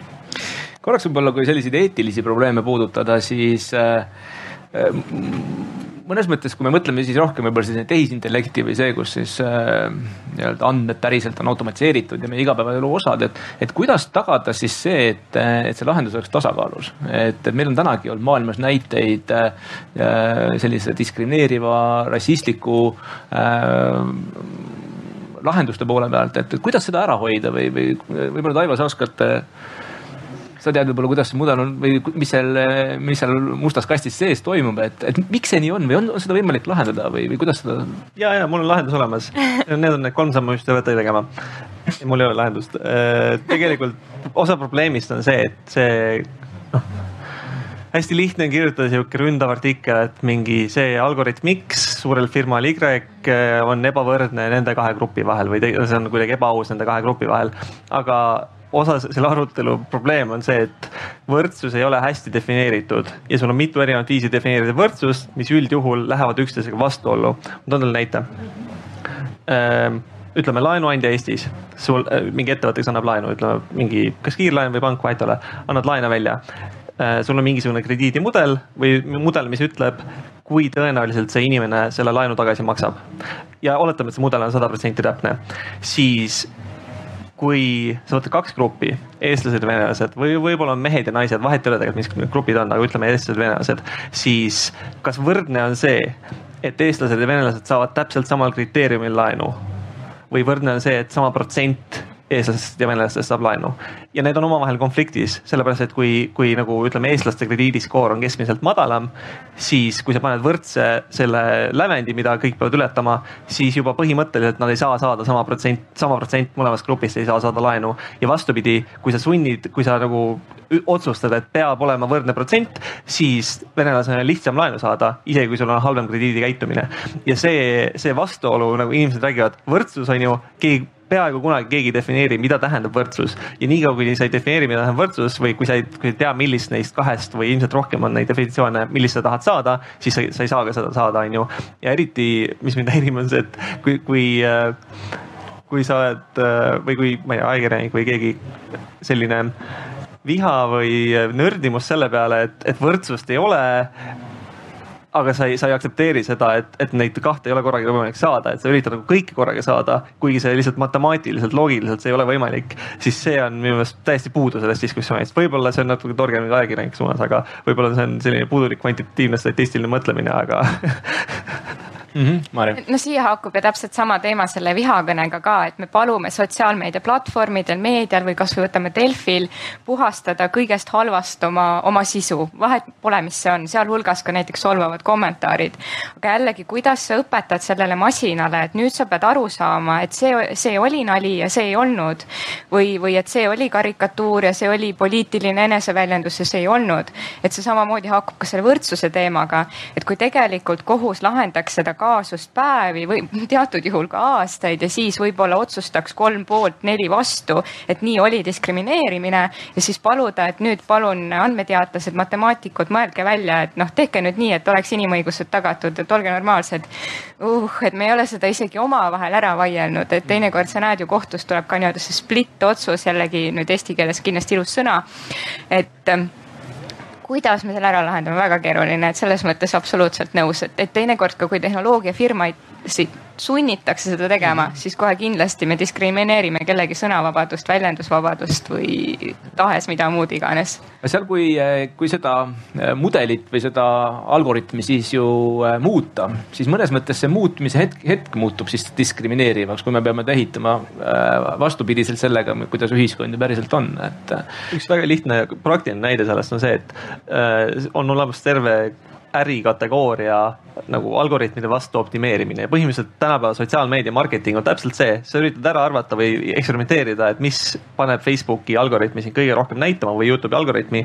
ja siis mingi hetk Facebook teeb muudatuse oma algoritmis, siis kõigi strateegia niimoodi on läinud ja nad peavad täiesti noh, põhimõtteliselt nullist alustama äh,. Youtube'is eriti need iseseisvad või inimesed, Youtube erid siis äh,, inimesed, kes loovad videoid sinna ja teenivad sellega elatist, nad vahepeal postitavad, et Youtube muutis oma algoritmi ja nüüd ma teenin viis korda vähem mm.. ja see on selline noh, väga suur impact, võib-olla vähem, vähem selline ühiskonnakriitiline, aga ikkagi väga selge elatise teenimise osas mm. mõju on ju.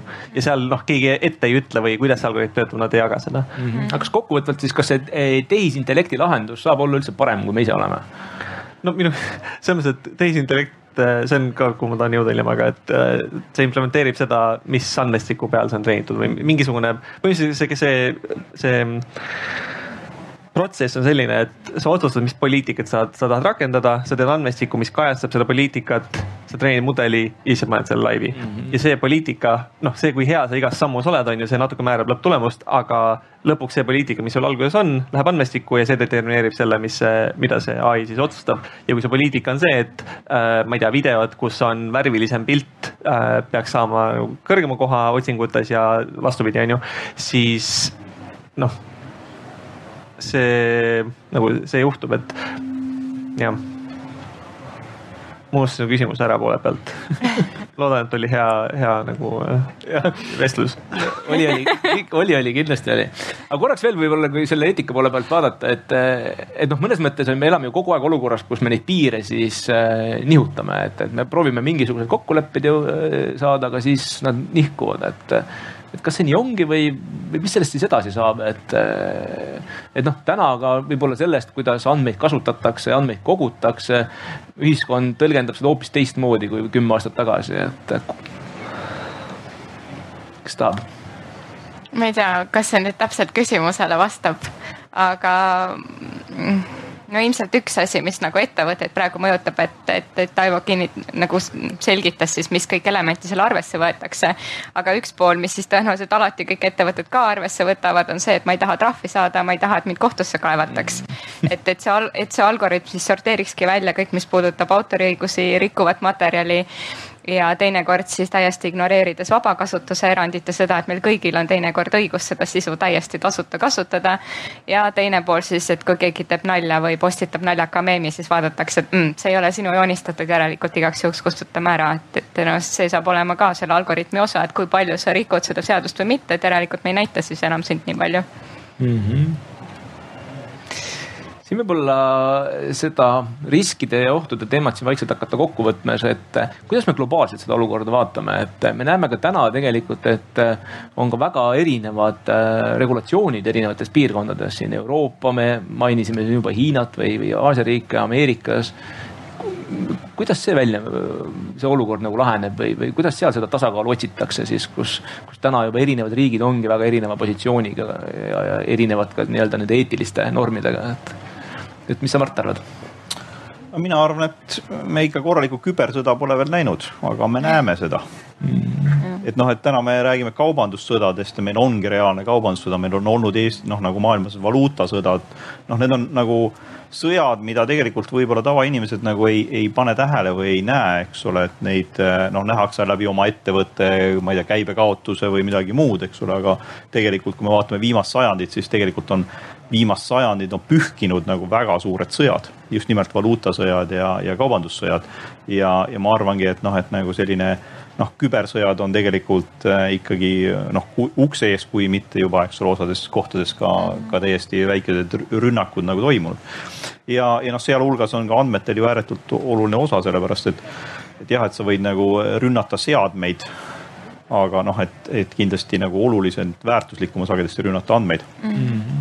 Neid andmeid ja mitte see, et nüüd andmeid võetakse ära lihtsalt, vaid, või, või kustutatakse, aga neid andmeid võidakse ka muuta mm. -hmm. ja, ja tegelikult ka see võib tekitada nagu olukorra siis noh, mis on ikkagi väga-väga katastroofiline mm, -hmm. eks ole, ja, ja noh, kui me räägime diskrimineerimisest, siis sellega võidakse nagu noh, sulgeda ukse taha kümneid inimesi ja, ja kui me räägime noh, ma ei tea miks pangad ehitavad tugevaid müüre ja kõike muud, eks ole, et noh, et see, see rahaline kaotused ja muud, mis sellega kaasneda võivad, on ikkagi märkimisväärsed mm. -hmm. kuidas sa, Maarja, seda näed, et täna ka ju regulatsioonid on Euroopas ja siis teistes riikides on oma reeglid, et et kuidas selline globaalne reeglistik või, või kuidas seda tasakaalu seaduse poole pealt leitakse või otsitakse või kas üldse otsitakse? no tundub ikkagi, et Euroopa Liidul on võimu seal andmemaailmas ja ta on päris palju mõjutanud üldse globaalselt, kuidas me andmeid näeme ja no vähemalt teoorias siis Ameerika Ühendriik ütleb, et, et meil saavad olema sama head reeglid ja ja ka Facebook lubab, et nad on nii-öelda selle ICUM-i või GDPR compliant et ähm, ja me oleme ka mõjutanud või Euroopa Liit on mõjutanud ka nii Hiinat kui Venemaad ja kuidas seda siis tehakse, on eelkõige ikkagi kaubandus, et, et kui üks või teine ettevõte ei järgi neid reegleid, mis Euroopa Liidus on, siis on Euroopa Liidul mehhanismid, kuidas neid kaupu siis kasvõi sealt Alibabast või kust iganes mitte sisse lasta, öeldagi, et sa oled paha ettevõte, järelikult me sinu kaupu vastu ei võta. Mitte, et seda saaks otsustada kuidagi üleöö või mitte, et see oleks kuidagi väga lihtne, aga teatud hoovad on olemas. ja noh teiselt poolt kindlasti on inimesi, kes sinna ka tugevalt vastu räägivad, ütlevad, et see GDPR on ainult jalus ja me oleksime palju kiiremad oma arengus Euroopa Liidus, kui me ei peaks neid reegleid täitma. ja tänu sellele siis äh, nii Hiinad, Ameerikad, Venemaad lähevad meil eest ära aga noh, teiselt poolt ma samal ajal ka loodan, et ikkagi inimesed äh, soovivad oma õiguste eest seista ja nad tunnevad ennast ebamugavalt, kui minnakse liiga kaugele. ja olgugi, et GDPR-iga on meeletult segadust ja arusaamatust ja juristidele võib-olla ka liiga palju tööd, siis äh, ta on ka pisut ikkagi kindlustanud inimese positsiooni, millised õigused tal mm. on ja inimesed on teadlikumad mm. -hmm väga hea. Taivo, sina, kas igapäevaselt Veriffis, kuidas teie näete seda äh, globaalsel skaalal, et teil ka teenust ju pakute maailmas vist igal pool peaaegu, et. jah, see, ma just tahtsin selle punkti sisse tuua, et ükskõik, mis riik võib teha oma erandid, on ju, või oma, oma regulatsiooni, Brasiilial on kas plaanis või, või vastu võetamas oma, oma versioon GDPR-ist, on ju ähm,. Hollandis on keelatud salvestada isikukoodi, sa ei tohi hoida seda oma süsteemides.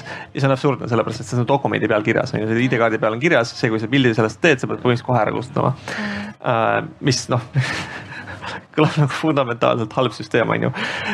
et mingisugune number või annab kellelegi hästi palju võimu sinu üle. see on muidugi no meie Eestis sihuke nagu hea tehnoloogia, aga see nagu hellitatud olema, on ju. aga see, mis juhtub reaalsuses on see, kui mingi Eritrea, ütleme selline hästi perifeerne riik, kes globaalse äri mõttes kedagi eriti ei huvita. kui nad teeksid mingisuguse reegli, et nüüd kõik, kõik veebilehed, kõik internetiteenused, mis tahavad siin teenust pakkuda, peavad vastama nendele, nendele, nendele tingimustele ja Amik lihtsalt panekski kinni selle. see, see on ja see on lõpuks tarbijale kahjulik, et see võim mingit regulatsiooni rakendada, eriti internetis on ju, kus asi on enamasti globaalne, on väga väike enamikul üksikutel riikidel ja see, miks Euro Euroopa Liidul õnnestus, on noh, et Euroopa Liit tervikuna on üks selline suur majandusala või majandusvõim äh, maailmas. Äh, aga noh, Eesti üksi nagu täpselt samamoodi Eesti, kui Eesti teeks mingisuguse karmima versiooni GDPR-ist, siis seal on kaks varianti, kas, kas nagu Google paneb teenuse Eestis kinni või, või Eesti riik peab panema siis nagu Google'i teenuse blokima ära, sellepärast et nad ei, nad ei ähm, Nad ei ole oma nagu teenust viinud vastavusse sellega.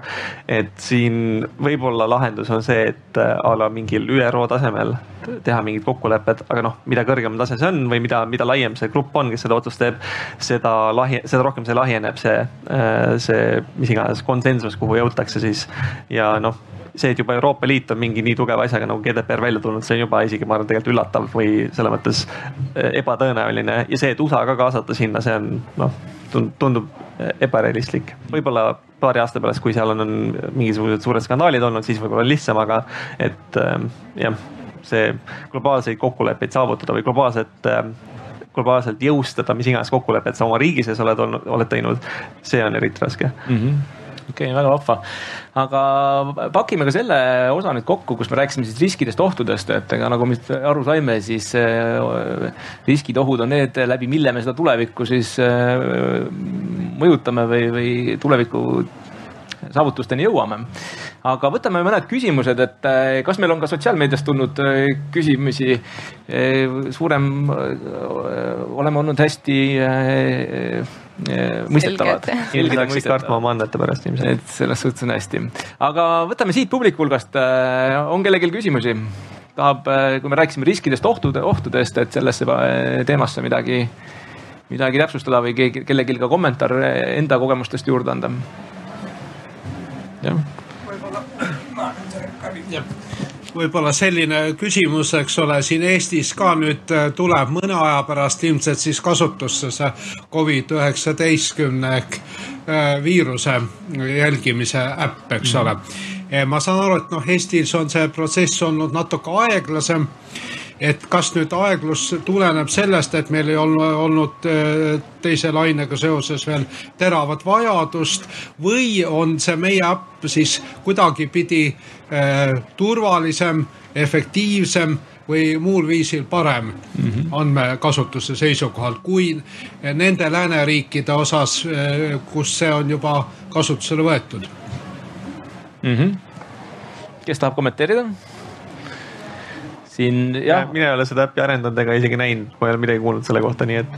Eh, mina võin muidugi kommenteerida, sellepärast et tegelikult eh, see, see äpi idee tegelikult eh, tuli, võiks öelda, et Eestis inimeste teadvusesse umbes kolmandal päeval, kui oli, algas lockdown või ehk siis nagu sulgesime ja, ja pakuti seda üle piiride tegelikult, et Eesti võiks selle kiiresti arendada või vastupidi, et Eesti võiks selle kasutusele võtta, sest ka sel hetkel olid väiksed juba prototüübid äh, tekkinud.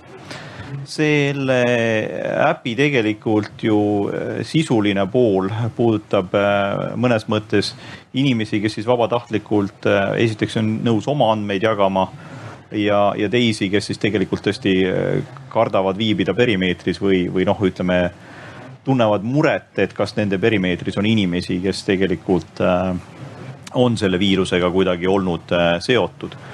et, äh, et kui me räägime nüüd, kas selle pealt on võimalik langetada ka siis otsuseid näiteks, et mis piirkond sulgeda või et mis, milliseid nagu tervisekaitsemeetmeid võtta kasutusele siis suuresti vastus on ei. et see äpp veel kord on tegelikult mõeldudki noh, inimestele endale mm.. Ja see on oluline, et, et selline võimalus tekiks ja minu teada seda on ka nüüd mingil määral edasi arendatud, mis staadiumis see lõpuni on, ei, ei oska öelda ega kommenteerida. et ja, ja kas ta on saanud ka lõplikud õnnistused Terviseametilt ja muult ka ei oska kommenteerida. aga, aga veel kord, et, et kui me räägime, kuidas võidelda viirusega suuremas ulatuses, siis kahjuks selline äpp või sellised äpid ei, ei anna vastust.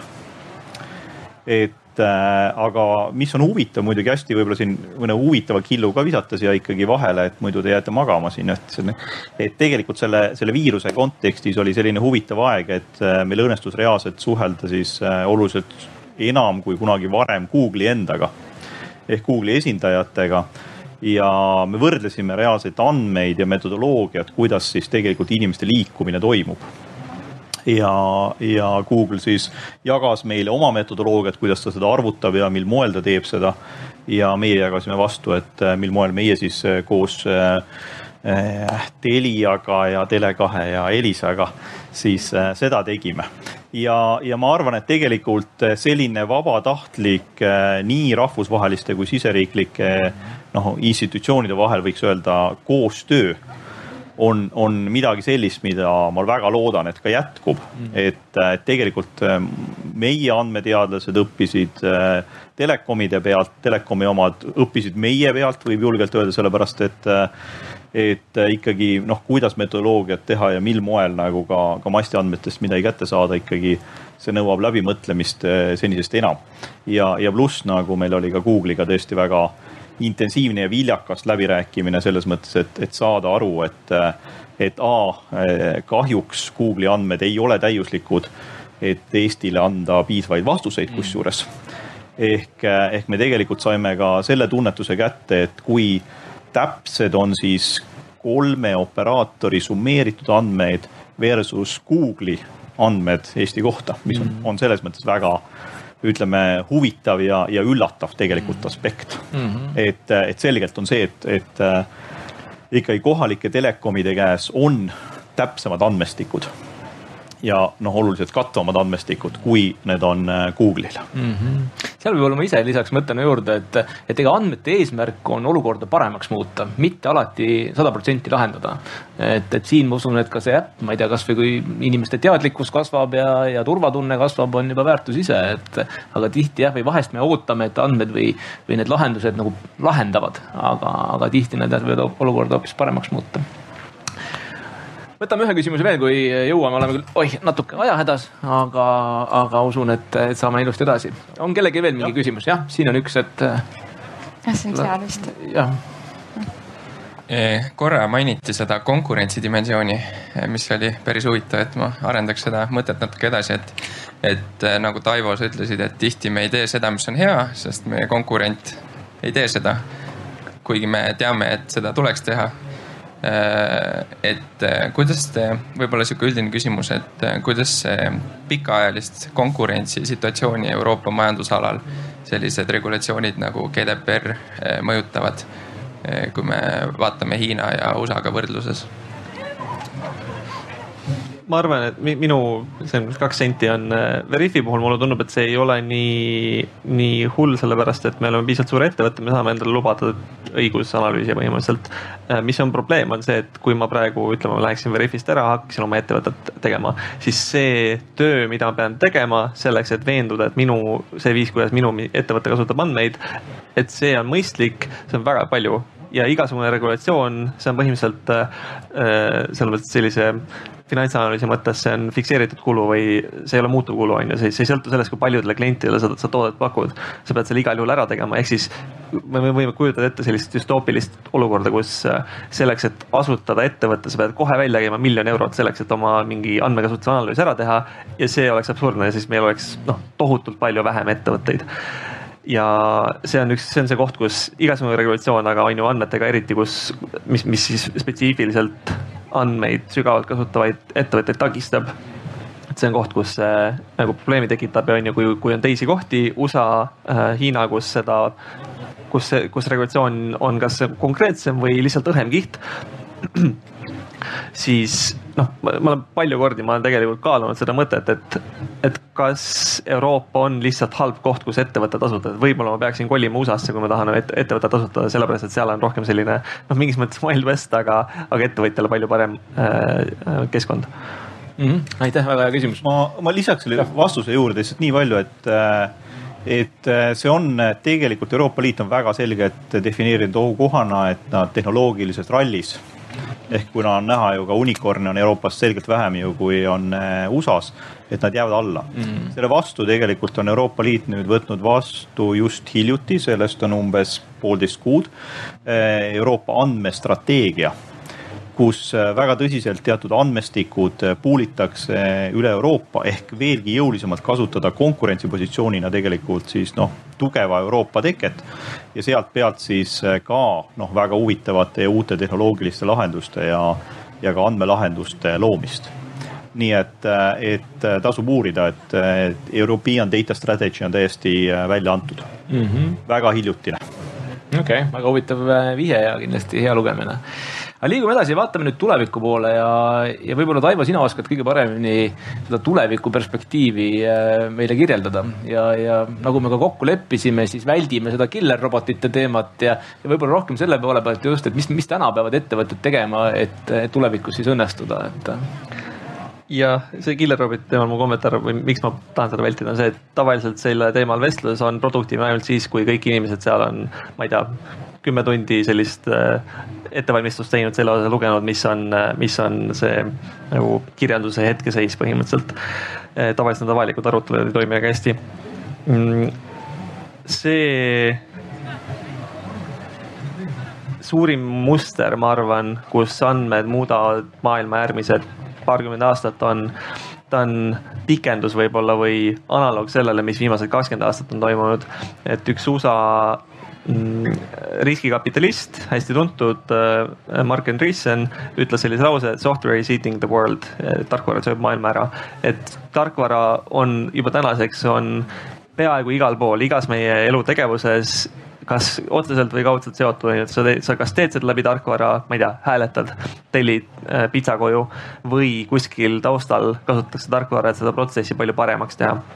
ja see üks, üks, ähm, üks teine inimene või see, ma tahan seda kokku panna selle, selle lause äh, Tesla ai juhi sellise ähm, metafoori või mudeliga.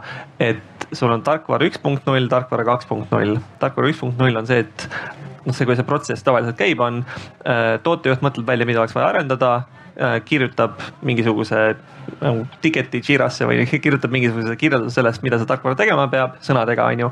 Äh, mis mida tähendab, see tarkvara on valmis põhimõtteliselt. arendaja vaatab seda, seda äh, ülesannet, kirjutab tarkvara valmis, siis seda testitakse ja siis see pannakse laivi. ja see on see väga-väga üldistatult see viis, kuidas tarkvara arendatakse tarkvara üks punkt null maailmas. tarkvara kaks punkt null erineb sellest selle poolest, et selle asemel, et kirjutada koodi mis, mis siis lahendab seda ülesannet. sa treenid närvivõrgu, mis lahendab seda ülesannet või treenid mudeli, mis lahendab seda ülesannet. Ja selles maailmas see, see mudeli programmeerimine noh see käib läbi andmestiku. Ja see, nagu ma enne kirjeldasin, siis see, kuidas see, see protsess välja näeb, on, sa paned paika ütleme üldisel tasemel, mis see poliitika on, mis sa tahad teha, on ju, kui su ülesanne on äh, Tesla puhul siis näiteks ennustada või tuvastada pildi pealt, kus on stopp-märgid liikluses, siis sa ütled, et sa tahad stopp-märke tuvastada, sa paned kokku andmestiku stopp-märkidest, sa treenid mudeli selle peal ja siis sa saad seda kasut-, noh hinnata seda tarkvarajuppi, testida ja seda kasutada äh,. mis selle juures huvitav on, on see, et kust tuleb või mis defineerib selle mida see tarkvara siis teeb. sest kui vanasti tarkvara üks punkt nullis, see, mida tarkvara teeb, noh, see oli kirjeldatud seal, seal tekstis on ju, selle ülesanne tekstis ja siis see on koodis kirjas, sa võid koodi lugeda, kui sa, kui sa oskad koodi lugeda, sa loed koodi, sa saad aru, mida see teeb. aga sa ei saa närvivõrgu, noh, seal on miljoneid numbreid ja need ei tähenda mitte midagi, sa vaatad neid numbreid, see ei tähenda mitte midagi ja sul ei ole võimalik seda vaadata, et aru saada, mis see teeb. see koht see, see kriitiline koht on andmestik ja kõige raskem osa, kõige olulisem osa ükskõik millise ai süsteemi ehitamisel on selle andmestiku kokkupanemine. millised näited sa sinna valid ja millised, kuidas, kuidas sa ütled, et, et see mudel peaks käituma ja see andmestik näeb välja tavaliselt selline, et noh, jällegi seesama Tesla stopp-märkide juhtum. sul on pilt ja seal peal kastid, et kus kohas peaks tõmbama stopp-märgid äh, või kus kohas peaks tuvastama stopp-märgid.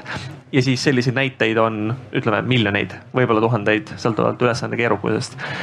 selle, selle nagu muutuse, mõttelise muutuse tegemine on päris raske. et kui vanasti sa kirjutasid tarkvara sõnade järgi ja nüüd tarkvara juhtub ise andmestiku järgi, siis see, millele keskenduda, ei ole enam see, kui hästi sa koodi kirjutad äh, või see, kui hästi sa suudad ütleme kliendiga rääkides panna kirja, mida tal on vaja. see raske osa on luua andmestik, mis hästi kirjeldab seda ülesannet. ja noh, Tesla puhul siis see, see nagu naiivne või väga lihtne kirjeldus, mis ma teile andsin, on ju seda stopp-märgid, siis äh, siis tegelikult kohe, kui sa hakkad päris maailma andmeid nägema, sa saad aru, et see keerukus on suurem. sul on mõned stopp-märgid on maalitud mm. äh, mingi posti peale või mingisuguse seina peale, mõned stopp-märgid on auto küljes, mõned stopp-märgid on nagu tee peal maas, on ju. mõned stopp-märgid on, äh, on seal mingi erandiga äh,, stopp välja arvatud reedel äh,. et sellised asjad ja see on päriselt, te võite vaadata, Andrei Karpati on see, see, see inimene. Te võite tema Youtube videosid vaadata, et see on, ta kirjeldab seda ja see on täpselt seesama asi, mida ma äh, oma töös näen, on ju, et selleks, et otsustada, kas ütleme, see isikut tõendav dokument, kas see on pildis, et me üldse saaksime midagi, mingi otsuse selle koht, otsuse selle kohta teha. me tahame, et ta oleks, oleks pildi sees, on ju, et ta ei oleks kuskilt pildist väljas, et see oleks pildi peal oleks mõni dokument. siis tekib küsimus, et kas see, et sul on mingisugune poole millimeetrine nurk on väljas pildist, kas see tähendab, et see on, et see dokument on pildist väljas või mitte? või see, kui ta on pooleldi väljas, kas see on pildist väljas või mitte? mis siis, kui sul on mingi täiesti ebaoluline jupp sellest, seal on lihtsalt valge värv selle dokumendi peal, vahet ei ole, see ei muuda su otsust, eh, et ta on pildist väljas. Versus see, et sul on mingi nimi on pildist väljas. kui sul ei ole üldse dokumenti, kas ta on pildist väljas, kui sul on seal nagu tehniliselt mingi dokument, aga see ei ole, see on nagu minu õpilaspilet. kas siis on, mida see tähendab siis, et dokument on pildist väljas? et kõik need küsimused põhimõtteliselt äh, tuleb vastata ja kodeerida sellesse andmestikku. ja see, see põhiline nagu huviobjekt tarkvara kaks punkt null maailmas on see andmestik ja mis on minu, minu hinnangul selles mõttes maailmas on väga vähe praegu, on seda oskust äh, inimeste mõttes, kellel oleks kogemus, protsesse, praktikaid, kuidas panna kokku häid andmestikke, mille pealt siis äh, ehitada tarkvara kaks punkt nulli. okei okay., no väga huvitav kuidas Maarja, sina, kui me vaatame ka seda tulevikku, proovime siin nüüd teemat ka kokku võtta, et sa alguses mainisid ka seda kontrolli ja Eestis palju trahvi saadud, et, et kas tulevikus see kontroll siis nagu karmistub ja suureneb või, või, või kuidas tulevikus need regulatsioonid ja kontroll ja siis need, see paindlikkus ka, mida me siin ennem rääkisime, et mis seaduste poole pealt seal peaks juhtuma või mis sa arvad, et mis siin lähiaastatel juhtub?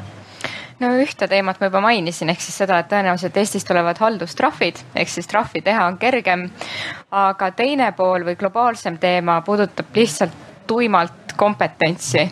see puudutab nii juristide kompetentsi, et aru saada nendest probleemidest, mis toimuvad, ähm, nõustada täpselt neid kliente, aga noh, nagu ka tegelikult Aivo alguses mainis, et kõigepealt tavaliselt tuleb teha kümme tundi enne tööd, et sellest produktist kasvõi midagi mm. hoomata ja siis hakata vestlema aga teiselt poolt see tähendab ka riigi kompetentsi. et kuigi kasvõi ka Eestis ja ka kõikides teistes Euroopa Liidu liikmesriikides on andmekaitseametitele antud hästi palju võimu ja võimalusi kontrollida ettevõtteid. ja kui me vaatame näiteks Ühendkuningriiki, mis küll nüüd lahkus Euroopa Liidust, aga kus andmekaitseamet on hästi tugev, siis äh, nende andmekaitseamet näeb välja nagu sellised kapo ametnikud, kes tulevad spetsiaalses rõivas äh, meeletu massiga peale, võtavad kõik kaasa, näevad välja, et nad teavad asju ja noh, meil on natuke nagu nukram seis. Et mida kiiremini meil on ka riigi poolt seda kompetentsi, et aru saada, mida tehakse ja hoomata, miks ja kuidas, siis me saame rääkida ka mingisugusest nii-öelda karistuslikust jõust mm. -hmm. siis mulle pahatihti tundub, et ka tegelikult natuke mm, intelligentsemat äri ajavate ettevõtetega rääkides, siis nad ütlevad ju. no jaa, aga vaata, kui ma seda nii teen, siis ei saa ju mitte keegi aru, et ma tegin nii-öelda midagi, mida ei tohi.